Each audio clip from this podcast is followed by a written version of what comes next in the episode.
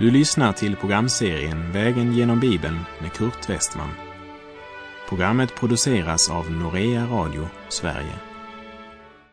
Vi befinner oss nu i profeten Sefanjas bok. Slå gärna upp din bibel och följ med. Vi har under de fem sista programmen varit på vandring i profeten Sefanja bok.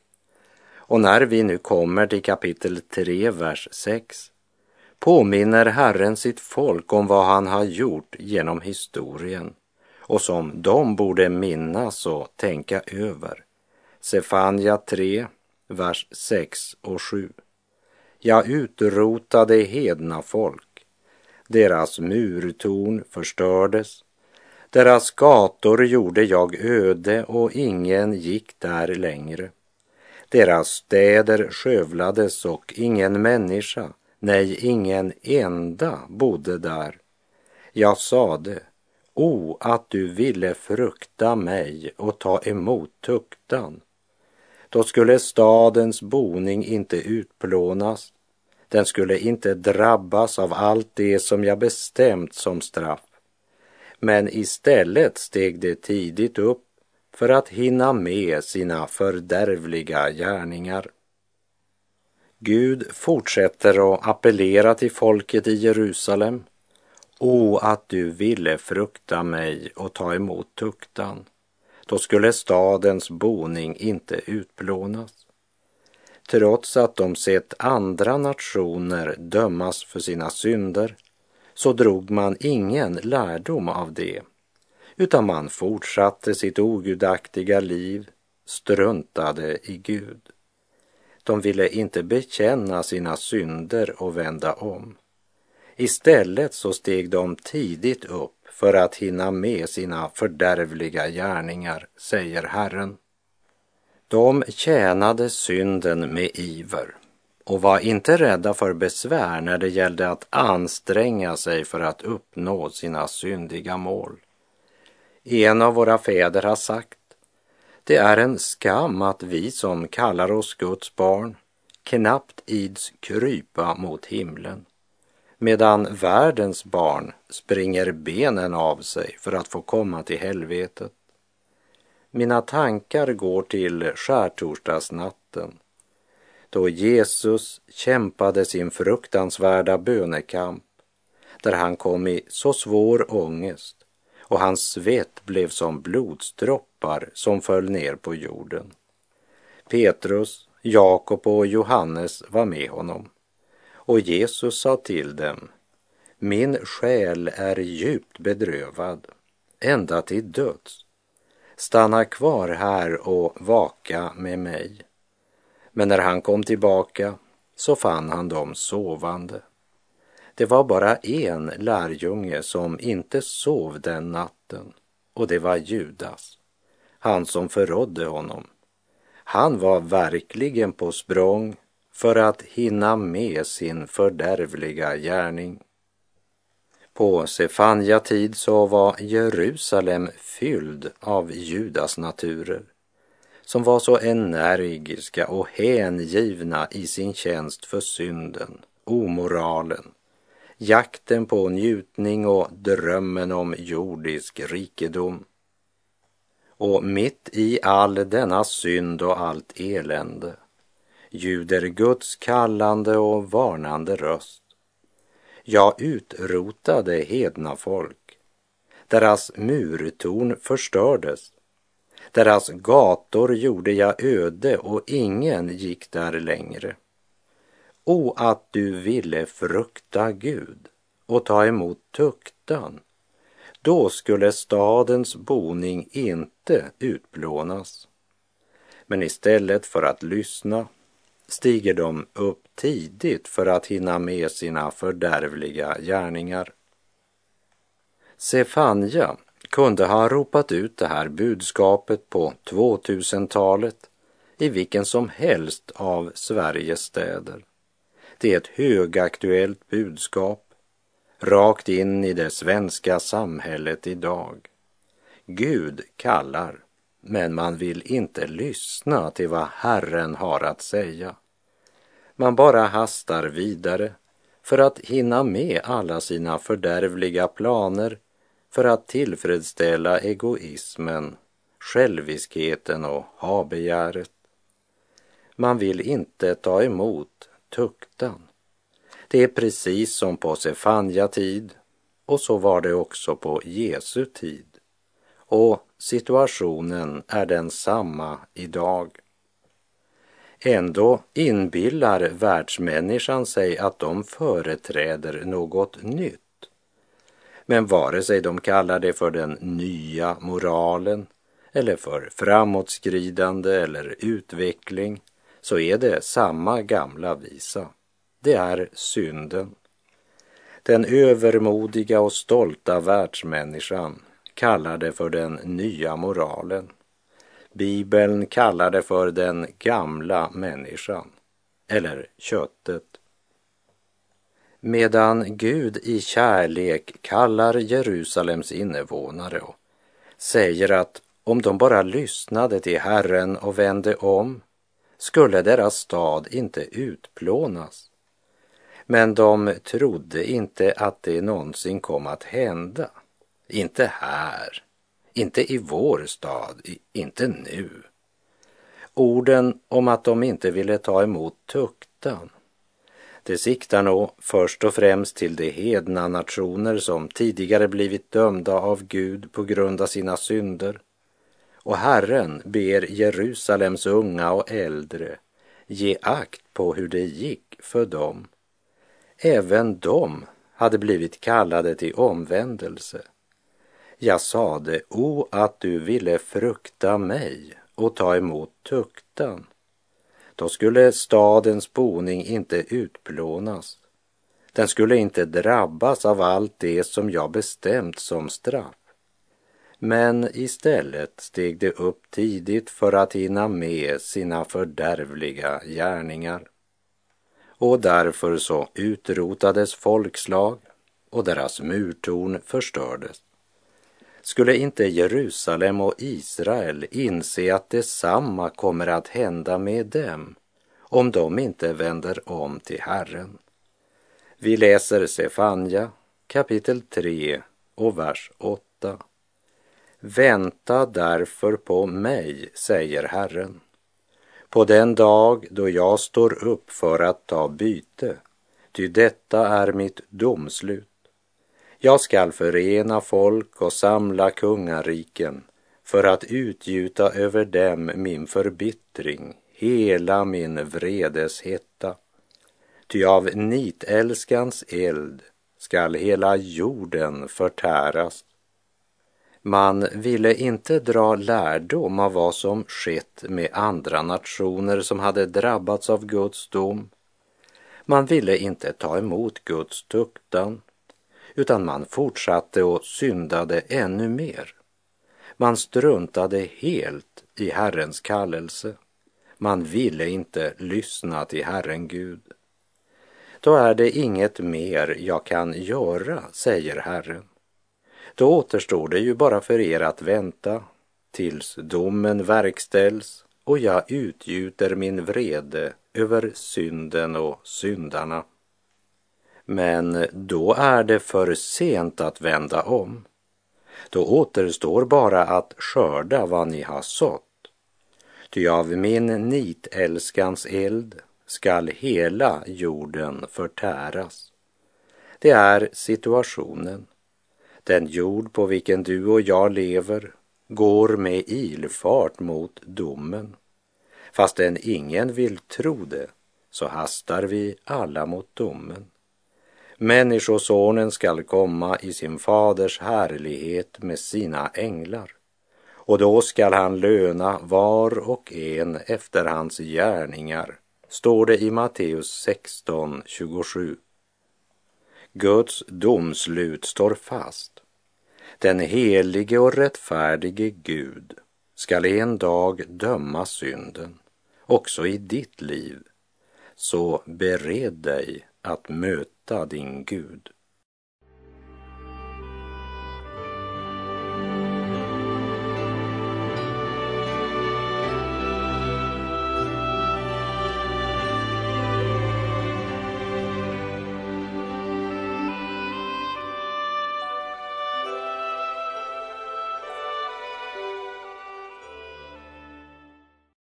Från domens mörka moln lyfter Sefanja nu blicken mot den härliga framtid som väntar Guds folk.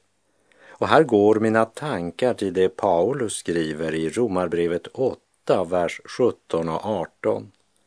Men är vi barn är vi också arvingar. Guds arvingar och Kristi medarvingar, lika visst som vi lider med honom, för att också bli förhärligade med honom. Jag hävdar att den här tidens lidande väger lätt i jämförelse med den härlighet som kommer att uppenbaras och bli vår.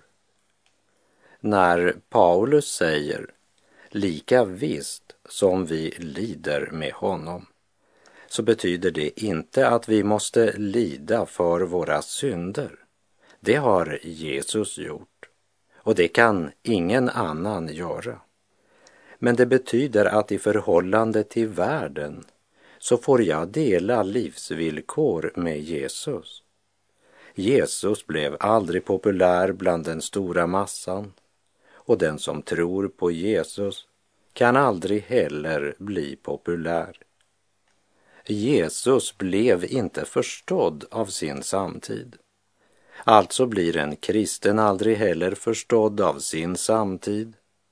Jesus blev förföljd och hans lärjungar blir förföljda för Jesus skull.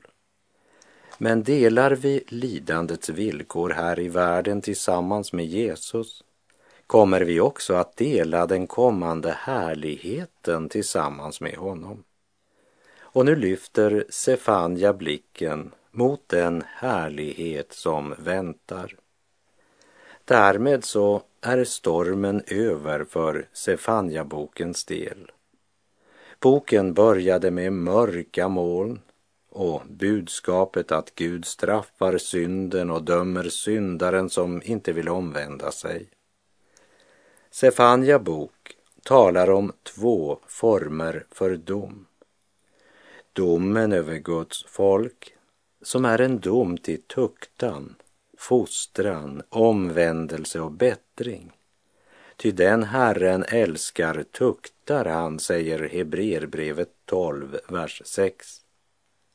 Med andra ord så behöver Guds barn tuktan och fostran. Men den andra domen Sefania talar om, det är att Guds dom också kommer att gå över otron.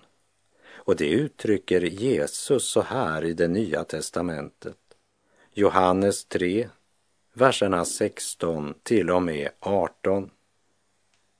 Ty så älskade Gud världen att han utgav sin enfödde son för att de som tror på honom inte ska gå förlorade utan ha evigt liv. Inte sände Gud sin son till världen för att döma världen utan för att världen skulle bli frälst genom honom. Den som tror på honom blir inte dömd, men den som inte tror är redan dömd eftersom han inte tror på Guds enfödde sons namn. Det är denna dubbla dom som Sefania bok presenterar för oss. Men den verklighet som är osynlig för ögat blir ofta mycket overklig för den som lever i synd. Man förtränger både livets och evighetens allvar i jakt på rikedom och personlig lycka. Men istället för lycka inhämtas man av meningslösheten och tomheten. Och välfärdskulturens ytlighet smittar även av sig på Guds barn och Kristi församling. Man glömmer att frälsning är inte en ideologi eller livsstil det är en person. Och den personen är Herren Jesus Kristus. Herrens tjänare som på ett förunderligt sätt förenar lidande och triumf för att kunna ge frälsning åt alla människor. Men vi försöker få del i korsets kraft samtidigt som vi gör allt vi kan för att undfly korsets smärta. Och vår egoism gör oss blinda för att trons liv är delaktighet med Herrens lidande tjänare. Men är vi barn är vi också arvingar, Guds arvingar och Kristi medarvingar, lika visst som vi lider med honom, för att också bli förhärligade med honom, som det står i Romarbrevet 8, 17. Sefanja blundar inte för verkligheten. Han förtränger inte sanningen att Gud dömer synden. Men han ser längre än så. Ändå har han ingen ångest för framtiden. Han är så att säga inte så upptagen av vart han är på väg. För han domineras helt av visionen av honom som kommer. Sefania 3, vers 9. Vi läser profeten Sefanja kapitel 3, vers 9. Se, jag skall ge folken renade läppar och de skall alla åkalla Herrens namn och tillsammans tjäna honom. Genom Malaki, som är Gamla testamentets sista profet, talar Herren om den dag då rättfärdighetens sol ska gå upp med läkedom under sina vingar. Genom Sefanja talar Herren om dagen då folken fått renade läppar och gemensamt åkallar Herrens namn och tjänar honom. Vi har nu nått längre än till domens mörker. Vi befinner oss inte längre i den Herrens dag som börjar med mörker, utan nu har solen gått upp och läkedomens underbara ljus strålar över mänskligheten. Renade läppar. Det talar om renade hjärtan. För vad hjärtat är fullt av, det talar munnen säger Jesus i Matteus 12, 24. Ingen gudsbespottelse förekommer längre. Ingen lögn, ingen som baktalar, ingen som svär, inga omoraliska historier. Se, jag ska ge folken renade läppar. Och den dagen råder inget uppror mot Gud, utan både du och dina grannar åkallar Herrens namn och tjänar honom. Det är han som då står i centrum i allas hjärtan. Och Sefania förkunnar att det är den framtid som kommer efter domens mörka natt. Här vill jag än en gång påminna om att Jesus sa att den som tror på honom blir inte dömd, men att den som inte tror redan är dömd eftersom han inte tror på Guds enfödde sons namn. Och Apostlagärningarnas fjärde kapitel, vers 12 säger Hos ingen annan finns frälsningen inte heller finns det under himlen något annat namn som givits åt människor genom vilket vi blir frälsta.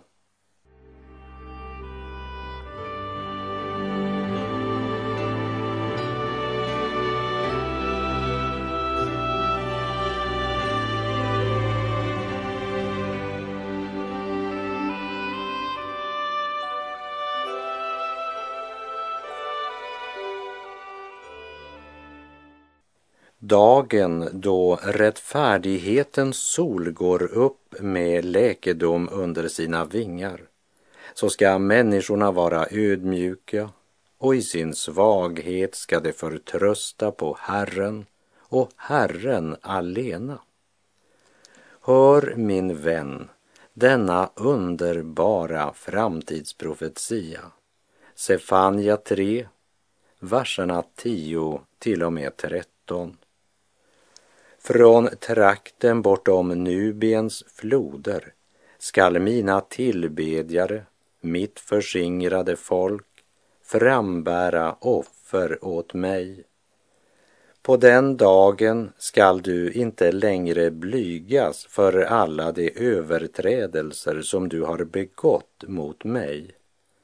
Ty då ska jag avskilja dig från dem som jublar så segervisst hos dig och du ska inte längre förhäva dig på mitt heliga berg. Men jag ska lämna kvar i dig ett folk som är ödmjukt och svagt och det skall förtrösta på Herrens namn. Kvarlevan av Israel ska inte mer göra orätt, inte tala lögn och i deras mun skall inte finnas en falsk tunga. Det skall finna föda och lägga sig ner utan att någon förskräcker dem. Det talar om nationen Israels framtid och om framtiden för alla dem som genom tron blivit Abrahams barn. Här vill jag bara påminna om vad aposteln Paulus skriver i Romarbrevet 11, verserna 12 till och med 15. Och om Israels fall har varit till rikedom för världen och deras fåtal varit till rikedom för hedningarna, hur mycket mer ska då inte deras fulla antal vara det? Och till er hedningar säger jag, som hedningarnas apostel, sätter jag mitt ämbete högt i hopp om att väcka mina landsmäns avund och frälsa några av dem. Ty om deras förkastelse betydde världens försoning, vad ska då inte deras upptagande betyda om inte liv från de döda? När babylonerna förde bort Juda och Jerusalem i fångenskap så tog man slavar som bortfördes i tre omgångar. Men aldrig blev folket bortförda till hundra procent. Det var alltid en liten rest. De fattigaste, de sjuka och de svagaste blev inte bortförda. Det eländiga som världsriket Babel inte räknade med fick bli kvar. Det var ingen som räknade med dem, utom Gud förstås. Kvarlevarna av Israel skall inte mer göra orätt, säger Sefanja. Det skall komma en sådan dag och kanske är den dagen närmare än vad någon av oss förstår. Gud har alltid haft en rest, en kvarleva.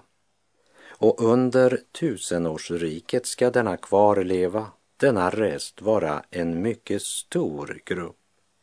Även Guds folk hade smittats av synden, men inte för alltid.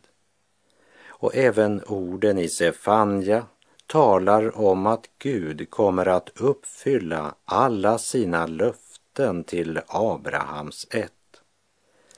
Framtidsprofetian talar om den dag då Herren ska samla sitt folk och verkligen ge dem det land som han en gång med ed lovade Abraham.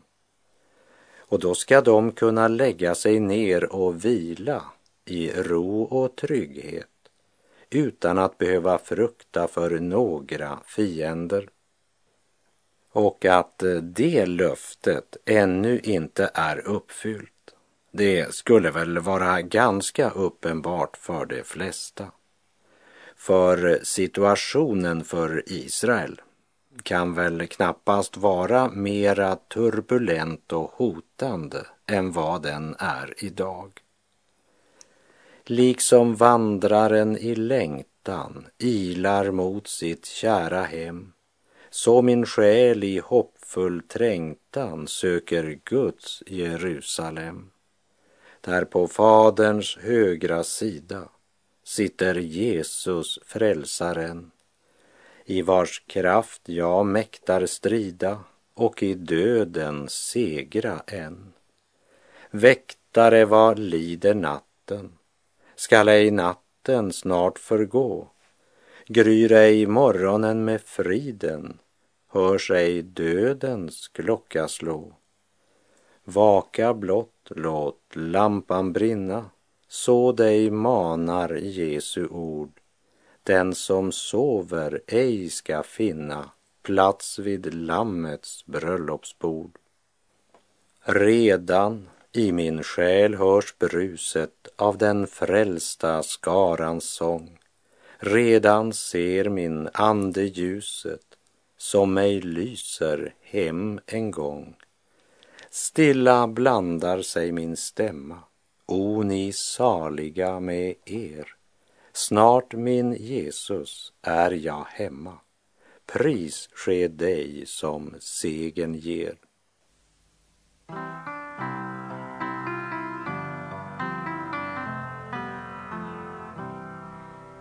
Snart en morgon bryter fram.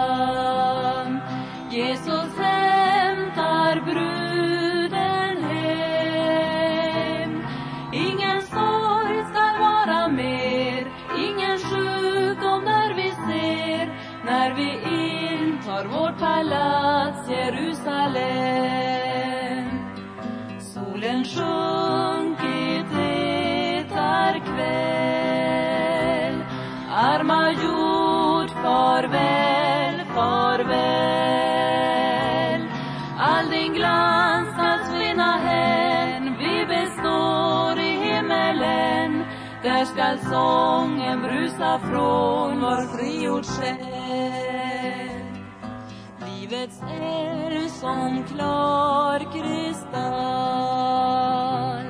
Ren och stilla flyta skall. Vad dig öga här har sett Gud av nåd för oss berett När vi hemma står med segerpalm i hand.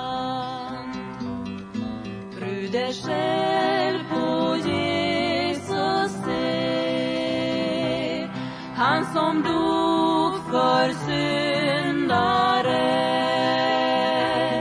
Han har öppnat livets väg med det sår han fick för dig då han bar din synd och skuld på Golgata.